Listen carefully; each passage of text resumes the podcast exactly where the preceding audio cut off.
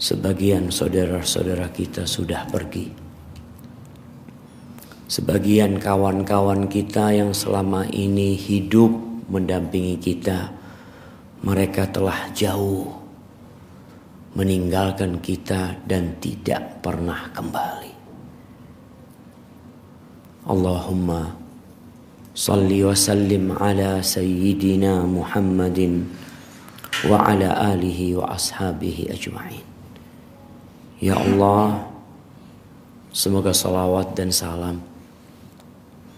Semoga berkah dan nikmat senantiasa engkau curahkan untuk hamba kekasihmu.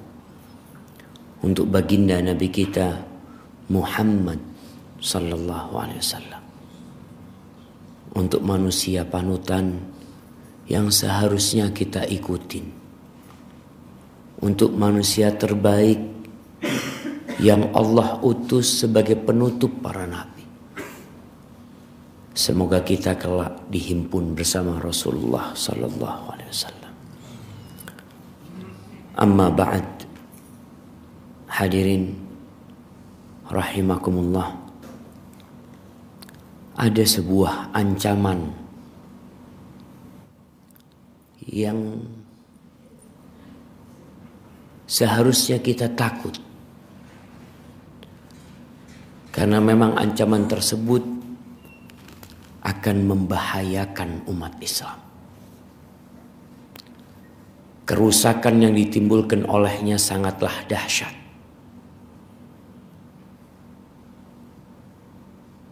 Dan yang lebih parah lagi, mereka ini berada di barisan umat Islam sholat di masjid bersama umat Islam. Kakinya mungkin nempel dengan kaki saudaranya. Mungkin orang tersebut naik ke mimbar ini. Mungkin dia memegang mikrofon ini. Siapa mereka? Mereka adalah kelompok orang-orang munafikin. Musuh dalam selimut yang Allah Azza wa Jal mengatakan tentang mereka ini innal munafiqina fid darkil asfali minan nar Sesungguhnya orang-orang munafik itu berada di keraknya api neraka. Bayangkan orang munafik ini lebih bahaya daripada orang kafir. Lebih menakutkan ancaman buat mereka kelak di akhirat. Dan ancaman buat umat Islam yang dia dapat merusak kaum muslimin dari sisi kita tidak menyadarinya. Walan tajidalahum nasir.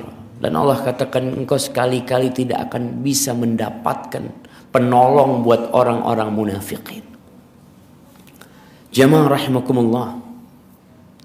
Kelak pada hari kiamat orang-orang munafikin ini ketika dibangkitkan dari kuburannya kemudian di padang mahsyar mulai dikelompokkan.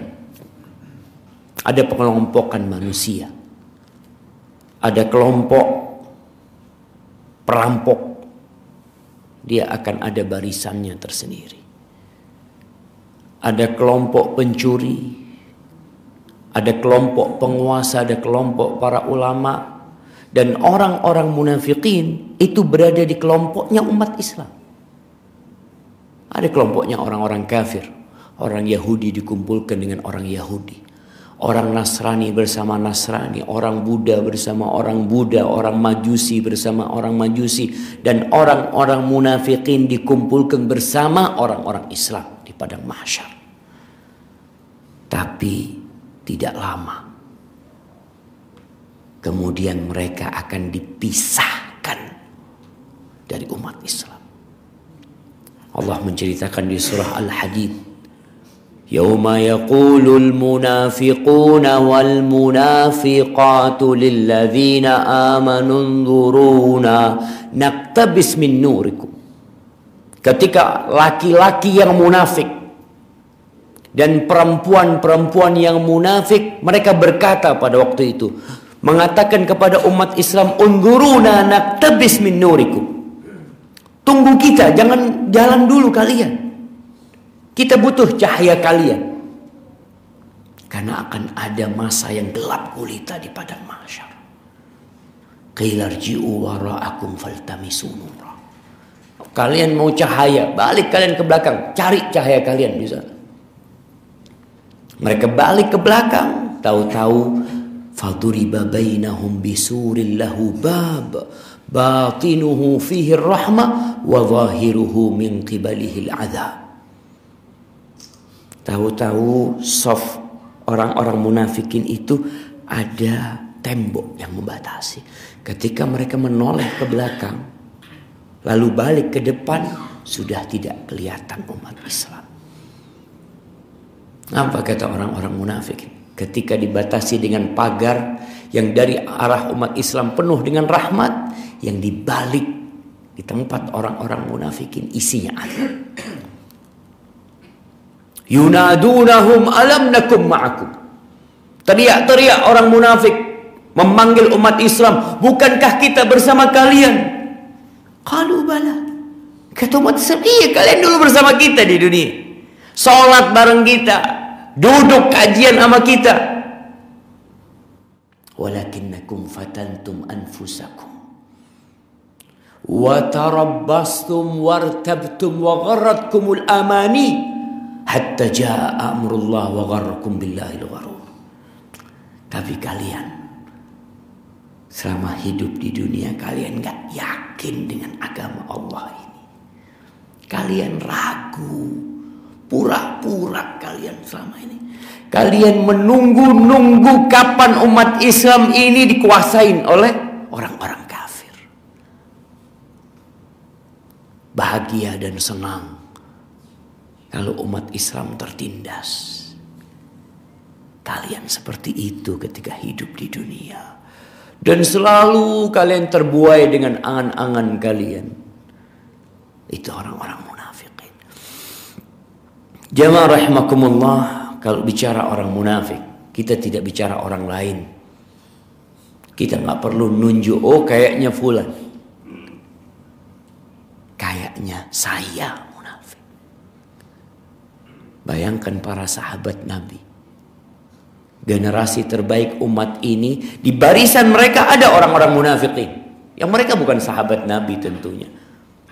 Tapi secara penilaian manusia dari luar, mereka itu sahabat. Karena hidup di masa Nabi Muhammad SAW, berjumpa dengan Nabi alaihi salatu wassalam dan beriman secara bohir dengan Rasul sallallahu alaihi wasallam. Oleh karena itu, ketika Umar bin Khattab radhiyallahu taala anhu menawarkan kepada Nabi sallallahu alaihi wasallam untuk membunuh pentolan orang munafikin Abdullah bin Ubay bin Sal bayangkan. Pemimpin orang munafikin itu namanya Abdullah. Bukan nama-nama yang tidak dikenal Abdullah namanya. Apa kata Nabi SAW enggak. Jangan sampai kalau aku bunuh dia nanti orang-orang akan berkata Muhammad yaktulu ashabahu SAW Muhammad ini membunuh sahabatnya sendiri. Karena munafik ini ya penampilannya muslim. Penampilannya penampilan orang Islam. Dan orang munafik jamaah benar-benar samar. Gak kelihatan. Seorang tabi'in Ibn Abi Mulaika. Dia mengatakan adraktu salasina min ashabin Nabi SAW. Aku pernah hidup menjumpai 30 sahabat Nabi. Yang dijumpai ini sahabat-sahabat besar. Abu Hurairah, Aisyah radhiyallahu taala anha. Berjumpa dengan 30 sahabat Nabi alaihi salatu wassalam kulluhum yakhafu ala nafsihi nifaq. Semuanya takut dia terkena penyakit munafik. Semuanya. Kita baru ngaji sedikit sudah Insya Allah melbu surga aku. Ya, kita berharap masuk surga. Tapi kita perlu takut jangan-jangan kita berada di keraknya neraka.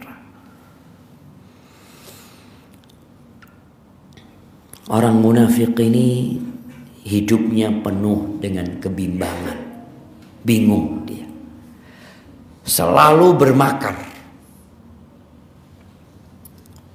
Zahirnya bersama umat Islam, batinnya bersama orang kafir. Sewaktu-waktu dia kumpul sama orang-orang beriman, tapi di waktu lainnya dia kumpul sama orang-orang kafir. Allah sebutkan di surat An-Nisa ayat 143 tentang orang munafik ini mudzabdzabina baina dzalika. La ilaha ula wa la ilaha ula. Posisi dia ini nggak jelas kadang ke sana, kadang ke sini. Enggak sama orang kafir secara total dan tidak bersama orang beriman secara total. Berada di tengah ingin menyelamatkan diri. Wa man yudlillah falan tajid sabila. Tapi gitulah. Orang kalau sudah disesatkan sama Allah Azza wa Jalla maka engkau nggak mungkin bisa menemukan jalan buat orang itu untuk dapat hidayah. Selesai sudah. Kemudian jemaah di antara sifat orang munafikin supaya kita tahu kita ini kira-kira ada nggak sifat munafik di diri kita? Sehingga kita bisa ngobatin. Kita bisa memperbaiki diri kita. Orang munafik ini adalah orang yang paling benci sama agama Allah. Jadi kalau ada perda syariat umpamanya yang dibikin, gak suka dengan hukum-hukum Allah yang berusaha untuk ditegakkan benci dan berpaling dari bahkan memusuhi hal itu. Allah hanya sebutkan di surat An-Nisa ayat 61 Wa idza qila lahum ta'alu ila ma anzalallah wa ila rasul ra'aital munafiqin yasudduna anka sududa. Kalau dikatakan kepada mereka, ta'alu, kemarilah kalian. Ini dikatakan kepada umat Islam secara umum. Kemari kalian. Menuju ke mana? menuju kepada apa yang diturunkan oleh Allah. Ilama anzalallah. Menuju kepada Al-Qur'anul Karim. Ini aturan Allah Azza wa Jalla. Wa ila rasul. Dan kepada sunnahnya. Ini ikuti ini sunnahnya Nabi Muhammad SAW bagaimana sikap orang munafikin? Ra'ait kamu akan mendapati, kamu akan melihat orang-orang munafikin berusaha untuk menghalangi. Jangan sampai umat Islam ini datang kepada Nabi SAW. Mengamalkan sunnahnya Nabi. Mengamalkan Al-Quranul Karim. Itu sifat orang munafikin. Jadi kalau tubuhnya bersama umat Islam. Nanti kita akan lihat lisannya menunjukkan isi hati mereka. Karena sejatinya lisan ini jamaah gayung untuk hati. Yang keluar itu adalah apa yang di dalam hati. Kemudian sikap orang munafikin ini hanya kepentingan. Kapan dia ada maslahat sama umat Islam, dia akan gabung dia akan berada di barisan umat Islam. Dan di masa Nabi Muhammad SAW, antum pikir orang munafik itu nggak ikut perang? Ikut perang, ikut berjihad di beberapa waktu. Kalau dia pikir jihadnya kayaknya menang ini, mereka ikut. Tapi kalau dia berpikir, oh kayaknya kalah. Kayaknya jumlah pasukan musuh terlalu besar. Maka mereka akan beruzur menjumpai Nabi Muhammad aduh minta maaf Nabi nggak bisa ikut. Saya harus ngurusin anak saya harus ngurusin ini. Oh ini perjalanannya panjang saya sudah tua nggak mampu. Banyak alasannya. Tergantung maslahatnya. Dia menunjukkan loyalitasnya kepada umat Islam sebagai bentuk menyelamatkan diri mereka. Ya, dan berharap manfaat dari umat Islam. Tapi kalau berjumpa dengan pemimpin-pemimpin orang-orang munafikin, orang-orang kafir di antara mereka, apa kata mereka? Inna ma'akum, jangan takut, kita ini bersama kalian. Hati kita bersama kalian. Cuma ya, kadangkala kita ya harus menampakkan diri bersama umat Islam.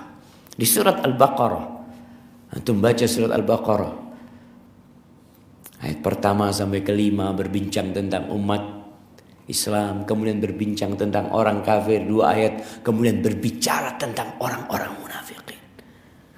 Di antara sikap mereka kata Allah, "Wa idza laqul ladzina amanu qalu amanna." Kalau mereka berjumpa dengan orang-orang yang beriman, mereka akan mengatakan kami beriman. Wa idza khalau ila syayatinihim. Ada orang-orang di masa Nabi Muhammad SAW. Jangan bicara di masa kita. Di masa kita semakin parah jemaah. Apakah kita pikir semua yang hadir di majelis ini beriman jemaah?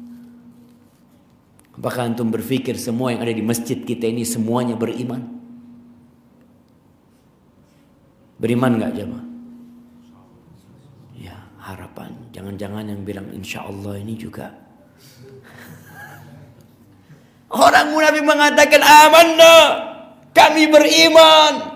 Gak main-main mereka jamaah.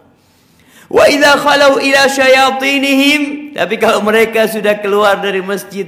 Kumpul sama setan-setan mereka. Kumpul sama kelompoknya. Sama golongannya tersendiri. Apa kata mereka?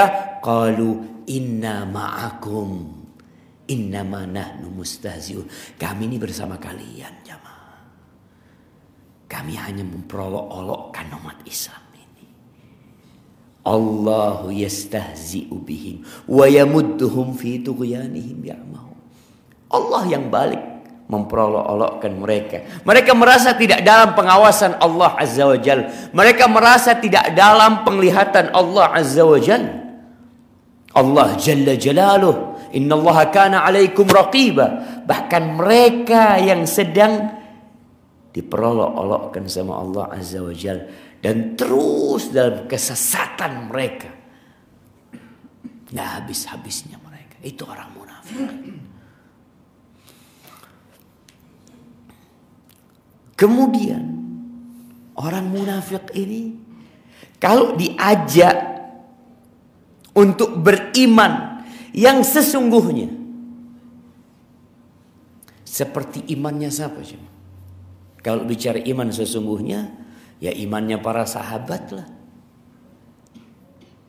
Di surah Al-Baqarah ayat 13 Allah mengatakan wa idza qila lahum Aminu kama amanan nas. Kalau dikatakan kepada mereka, kalian berimanlah seperti berimannya manusia.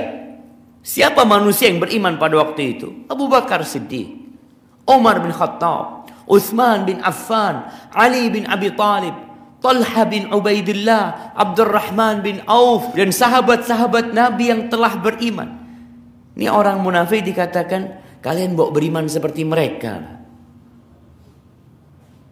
Apa jawaban orang-orang munafik? Anu'minu kama amana sufaha. Apakah kalian suruh kami beriman seperti berimannya orang-orang bodoh? Bayangkan. Para sahabat Nabi buat mereka itu sufaha.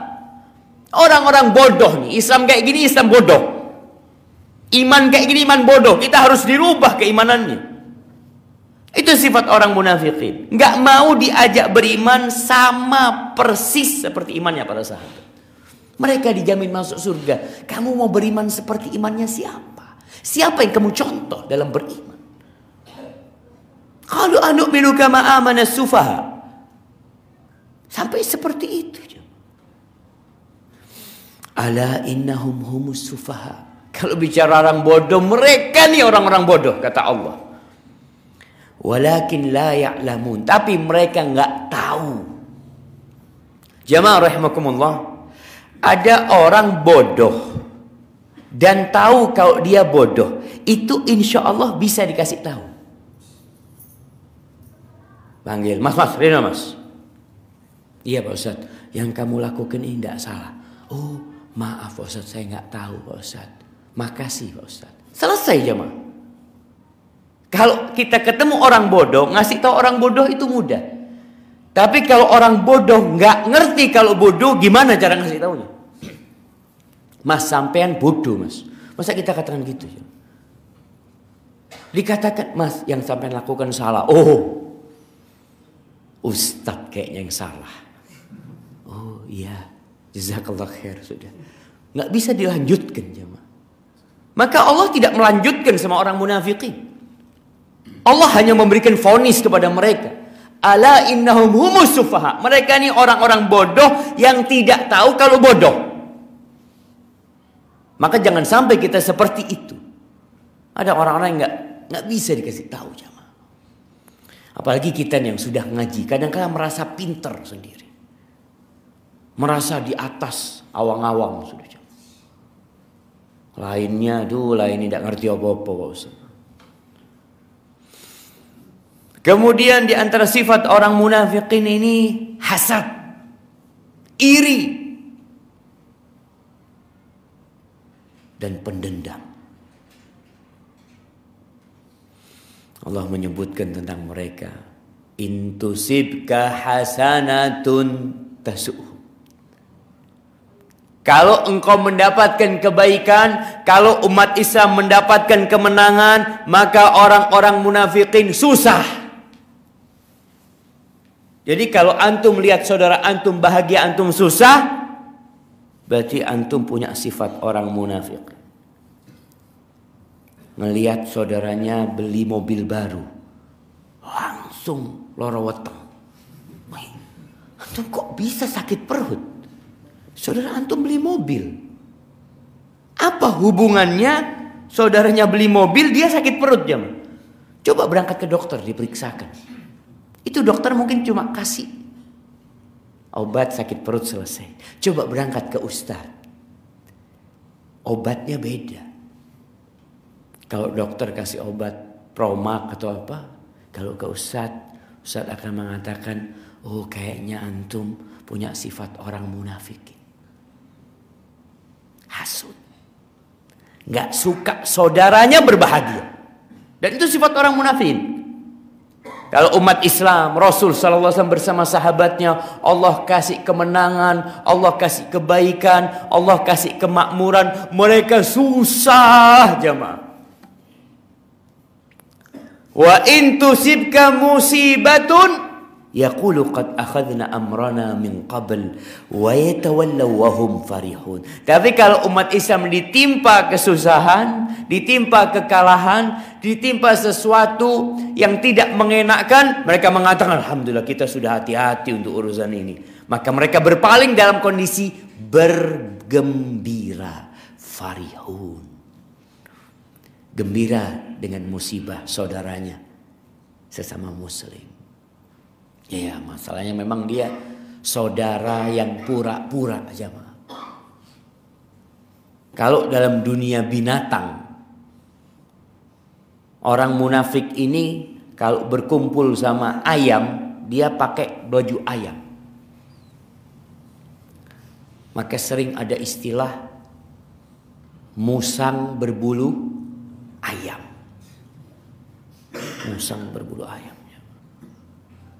Kalau di dunia kambing, maka dia adalah serigala berbulu domba. Begitu orang munafik. Maka kita perlu mengkoreksi diri kita. Sekali lagi tatkala kita bicara ini kita tidak bicara tentang orang lain. Kita bicara tentang diri kita. Ojo-ojo selama ini kita ini munafik ternyata. Anak punya sifat itu.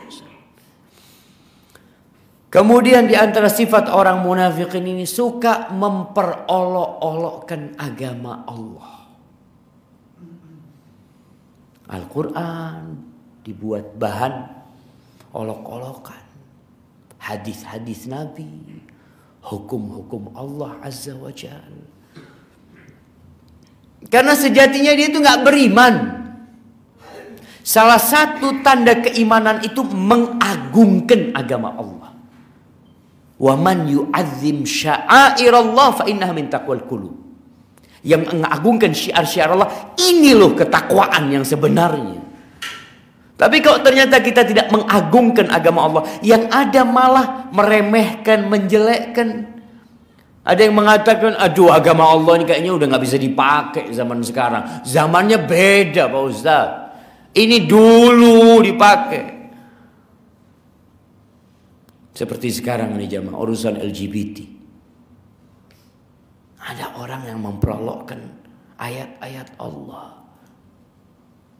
Ada yang mengatakan LGBT itu haram dulu Pak Ustaz. Iya. Lu itu kan ada, iya ada dalam Al-Quran. Karena konteksnya dahulu di zaman Nabi Lut alaihissalam Udah jadi ustadz dia. Memang dia ustadz. Doktor, profesor. Menyampaikan hal ini. Dulu di zaman Nabi Lut alaihissalam. Itu orang-orang melakukan. Ya. Lesbian, gay atau macam-macam. Mereka melakukan itu dengan pemaksaan.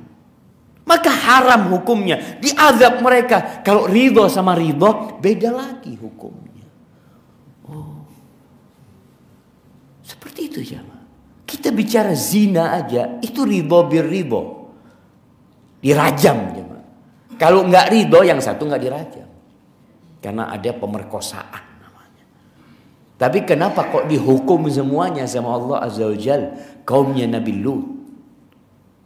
Tapi seperti itu. Maka hati-hati. Allah Azza wa Jal mengatakan tentang mereka Wala in sa'altahum. Kalau ditanya ucapan mereka tentang agama ini innama kunna nakhudu wa nal'ab kita itu tadi hanya bermain-main bersenda gurau. Enggak sungguh-sungguh kita itu. Lalu Allah katakan qul abillahi wa ayatihi wa rasulihi kuntum tastahzi'un Katakan kepada mereka, apakah Allah kalian jadikan bahan untuk berolok-olok? Apakah Nabi Muhammad? Apakah ayat-ayat Allah sallallahu alaihi nabi kalian jadikan bahan untuk gurauan? Lalu Allah katakan, la ta'tadhiru. Enggak usah lagi kalian minta maaf. Enggak usah lagi. Kenapa? Qad kafartum ba'da imanikum. Kalian sudah kafir setelah beriman. Berarti awalnya mereka beriman. Mereka datang. Maka baca nanti pulang dari sini surat namanya surat Al-Munafiq. Bagaimana Allah mengatakan tentang orang-orang munafik ini? Idza ja'akal munafiquna qalu nashhadu innaka la rasulullah. Mereka datang kami bersaksi Ashhadu an la ilaha illallah wa ashhadu anna Muhammad Rasulullah. Mereka katakan itu bukan di depan ustaz, tapi di depan Nabi Muhammad sallallahu Innaka. Dia langsung mengatakan. Kita kan syahadat kita gimana? Ashadu anna Muhammadar Rasulullah SAW. Tapi munafikin dia mengatakan, aku bersaksi kamu adalah utusan Allah SAW. Wallahu ya'lamu innaka la rasul wallahu yashhadu innal munafiqin lakathibun. Allah tahu kau itu utusan Allah dan Allah bersaksi bahwa orang munafik bohong dan dusta. Maka Allah katakan qad kafartum ba'da imanikum. Kalian sudah kafir setelah menyatakan keimanan kalian. Kemudian di antara sifat orang munafikin ini suka membuat kerusakan di muka bumi ini. Apa kerusakan yang dilakukan? Ngerusak jalan. Enggak. Menghancurkan gedung. Bukan itu. Tapi kerusakan yang dilakukan mereka adalah dengan kemaksiatan. Kemaksiatan ini puncaknya adalah kekufuran. Kemudian ada kemaksiatan yang terselubung yaitu dengan kemunafikan itu sendiri. Makanya orang munafik kalau dikatakan kepada mereka wa idza qila lahum la tufsidu fil ard. Kalau dikatakan kepada mereka kalian jangan membuat kerusakan di muka bumi ini. Jangan bikin kerusakan, jangan ngerusak. Apa jawab mereka? Qalu innama nahnu muslihun. Kita ini sedang memperbaiki. Itu jawaban mereka. Selalu kita ini hendak memperbaiki ini ya bagaimana supaya jadi lebih baik agama ini, Islam ini. Karena banyak yang mau merusak Islam ini jamaah. Dicampur adukkan dengan berbagai macam pemikiran. Dengan bungkus memperbaiki. Antum siapa kok mau memperbaiki Islam? Perbaiki diri sendirilah. Agama Allah ini sudah baik. Agama Allah ini sudah sempurna. Antum mau dikurangin, mau ditambahin, mau dimodifikasi sama antum. Mau dibikin kayak apa agama Allah? Makanya muncul berbagai macam bentuk Islam. Ada Islam emansipatoris. Sama emansipatoris ini. Anak ada bukunya. Anak pernah dikasih buku itu sudah lama cuma. Mungkin tahun 2000-an. Kemudian muncul lagi Islam liberal. Mau diapa no Islam sama kamu? Anu, supaya tidak memberatkan umatnya. Supaya orang kafir masuk Islam. Jadi kalau Islam ini kita modifikasi Pak Ustadz, jadi orang kafir nanti masuk Islam. Karena merasa agama Islam kok mudah, kok menyenangkan hati. Karena sudah dimodifikasi. Pertanyaannya, berapa orang kafir yang kalian masukkan Islam? Dengan model Islam liberal yang kalian bikin. Tanyakan kepada mereka. Mereka malah nggak ingin orang kafir masuk Islam. Sampai sebagian di antara mereka aja, ini tokoh liberal. Ketika ada orang non muslim, orang kafir, orang Nasrani nyumbang masjid. Bangun masjid selesai, akhirnya orang Nasrani datang kepada ustadznya, Pak Ustadz, saya kok ingin masuk Islam Pak Ustadz. Apa kata Ustadz? Tidak perlu Pak, sampean wis Islam. Loh wis Islam? Iya. Islam itu yang penting jadi orang baik Pak. Sampean sudah Islam dengan bangun masjid sudah Islam. Jadi sebenarnya Islam yang dimodifikasi sama mereka itu bukan untuk mengajak orang untuk masuk Islam. Makanya mereka mengatakan innama nahnu muslihun. Kami ini hendak memperbaiki. Apa kata Allah Azza wa Jal? Ala innahum humul mufsidun. Mereka ini perusak yang sebenarnya. Jadi kalau mereka menggunakan bahasa kami memperbaiki, tapi bahasanya Allah mereka lah perusak yang sebenarnya walakin la yash'urun. Nih bahayanya lagi jamaah. Mereka tidak ngerosok. Orang kalau merasa merusak. Maka insya Allah dapat hidayah jamaah. Kalau ada orang melakukan kemaksiatan kita panggil mas tusoy gitu mas. Iya Pak Ustadz. Doakan saya. Saya ingin berubah. Tapi kalau udah dikatakan seperti itu jawabannya kami ini sedang memperbaiki maka gimana kan akan jadi baik jemaah. Kemudian di antara sifat orang munafikin yang lainnya mereka itu suka beramar munkar, bernahi ma'ruf.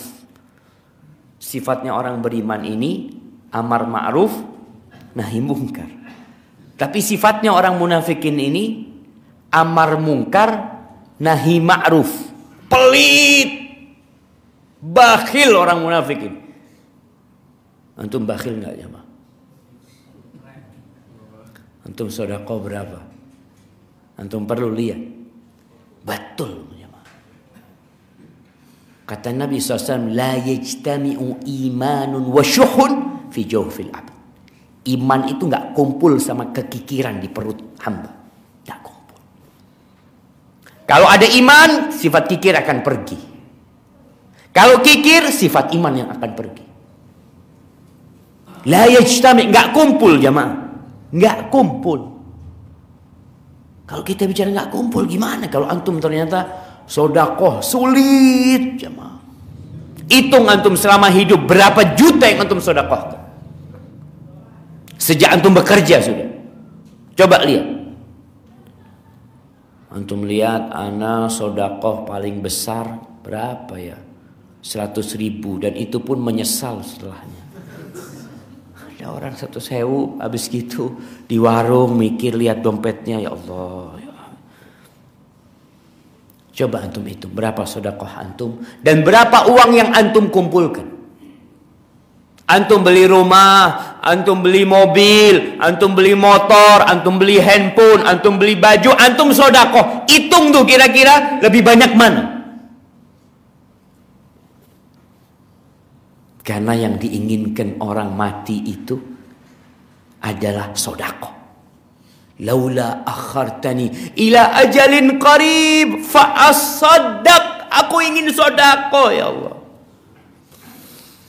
Allah berfirman di surat At-Taubah ayat 67 tentang tiga sifat tadi. Amar mungkar, nahi ma'ruf. Gak suka dengan yang baik-baik dia. Yang mungkar Masya Allah. Berapa banyak kemungkaran dibungkus dengan kearifan lokal. Mungkar secara agama tapi arif dalam pandangan mereka. Dikasih yang ma'ruf ditolak. Enggak. Apa kata Allah? Al-munafiqun wal munafiqat.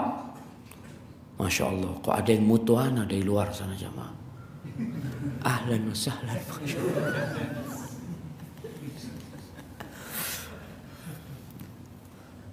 Nah, laki-laki yang munafik dan perempuan yang munafik ba'dhum min ba'd. Mereka itu sebagian dari sebagian lainnya, satu kelompok. Satu golongan mereka, laki dan perempuan.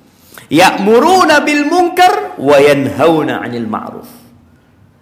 Mereka menyuruh kepada kemungkaran dan mencegah dari perbuatan ma'ruf. Berusaha yang ma'ruf ini nggak terjadi. Kalau kita lihat di negeri kita ada hal-hal yang mulai berubah jadi positif jamaah. Di beberapa perusahaan ya, Anda melihat atasannya itu mulai mewajibkan anak buahnya sholat berjamaah di masjid.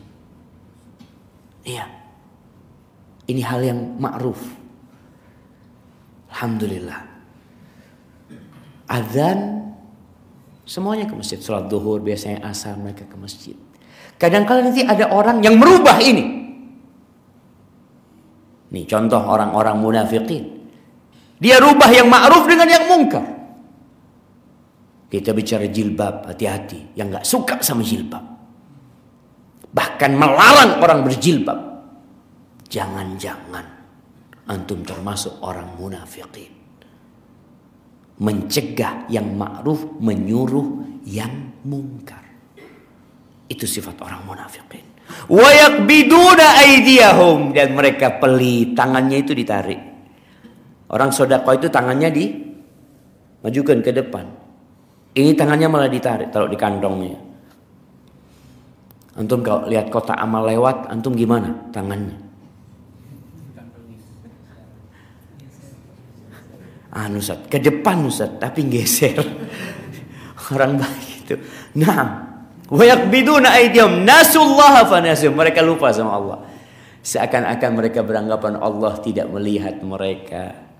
Mereka itu lebih takut dengan CCTV daripada sama Allah Azza Maka Allah melupakan mereka, Allah meninggalkan mereka.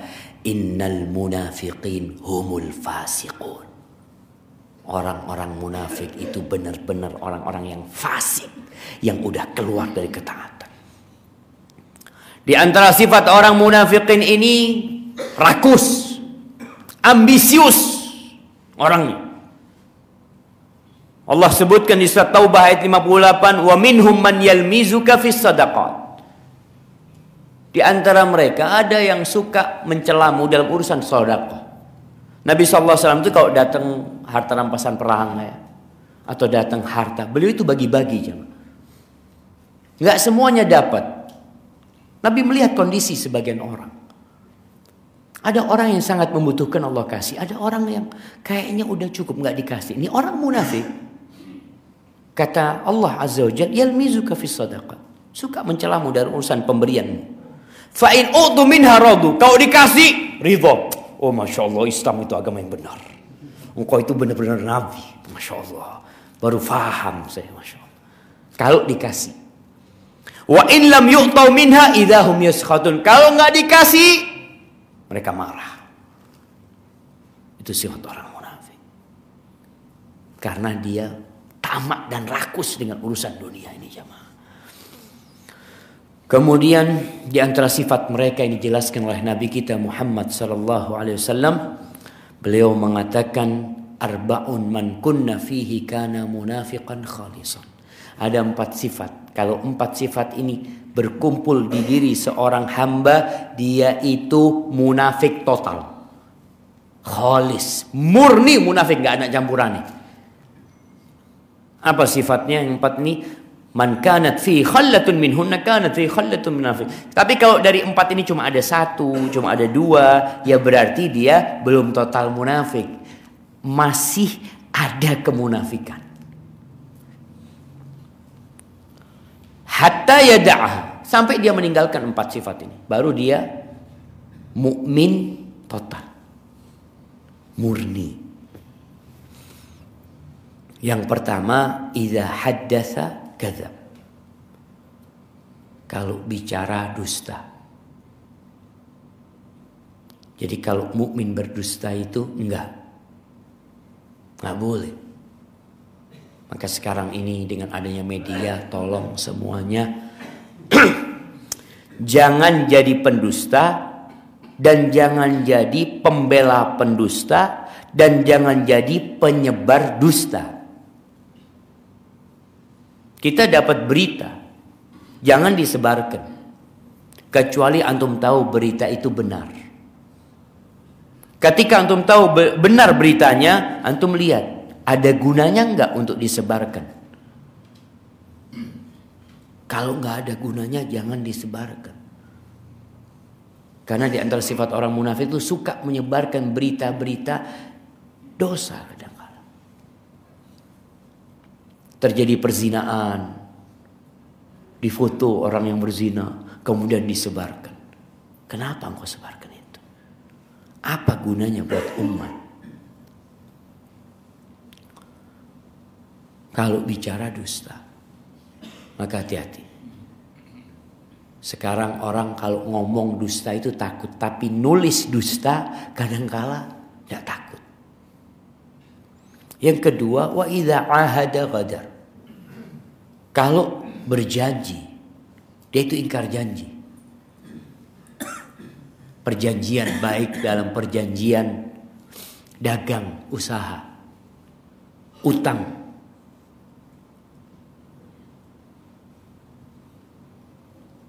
Orang janji. Artinya dia bikin perjanjian yang ini intinya adalah sebuah amanah. Orang kerja 50-50 ya.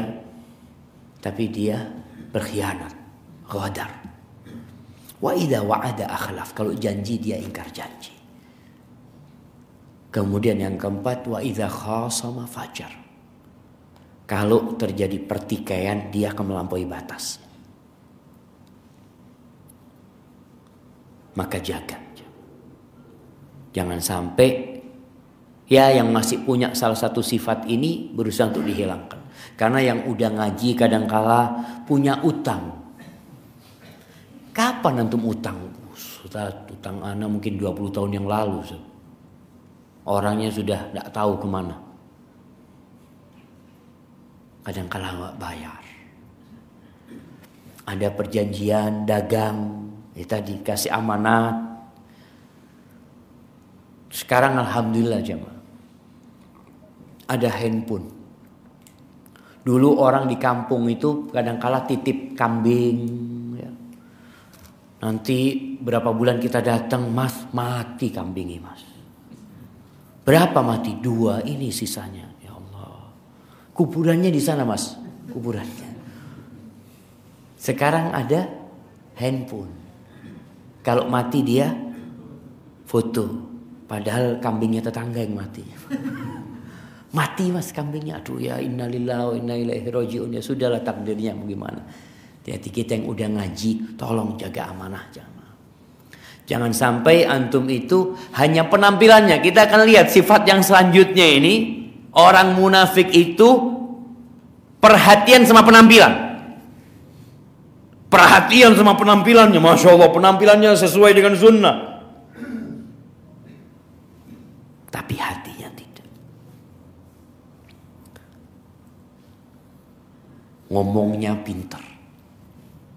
Allah sebutkan di surat Munafiqun ayat 4, "Wa idza ra'aitahum tu'jibuka ajsamuhum." Kalau engkau memandang orang munafik ini, engkau akan heran dengan penampilan mereka. Loh penampilannya penampilan orang paling kena mah. Ya Allah. Iki kowe penghuni surga nih kayak lihat penampilannya. Tu'jibu ka'ajsamuhum. Wa iyaqulu tasma' liqaumihi liqaulihim. Kalau ngomong, masya Allah, engkau akan takjub dengan omongannya. Penampilannya kena, omongannya bagus. Gimana orang tidak akan terbuai dengan mereka, jemaah? dengan orang yang penampilannya bagus. Ini penampilan di masa Nabi Muhammad sallallahu alaihi wasallam. Ka'annahum tapi mereka ini seperti kayu yang nempel jemaah. Kalau kayu yang dipakai buat tiang itu bukan nempel, dia itu nyanggah. Tapi orang munafikin ini nempel di sini, tidak ada gunanya. Jemaah. Kalau ada berita-berita yang menakutkan, dia ketakutan. Kalau ada ayat-ayat Allah yang mengajak kepada jihad, padahal penampilan mereka seakan-akan orang yang akan ikut berjihad, tapi malah ke mana-mana. Karena cuma luarnya yang bagus, dalamnya kopong.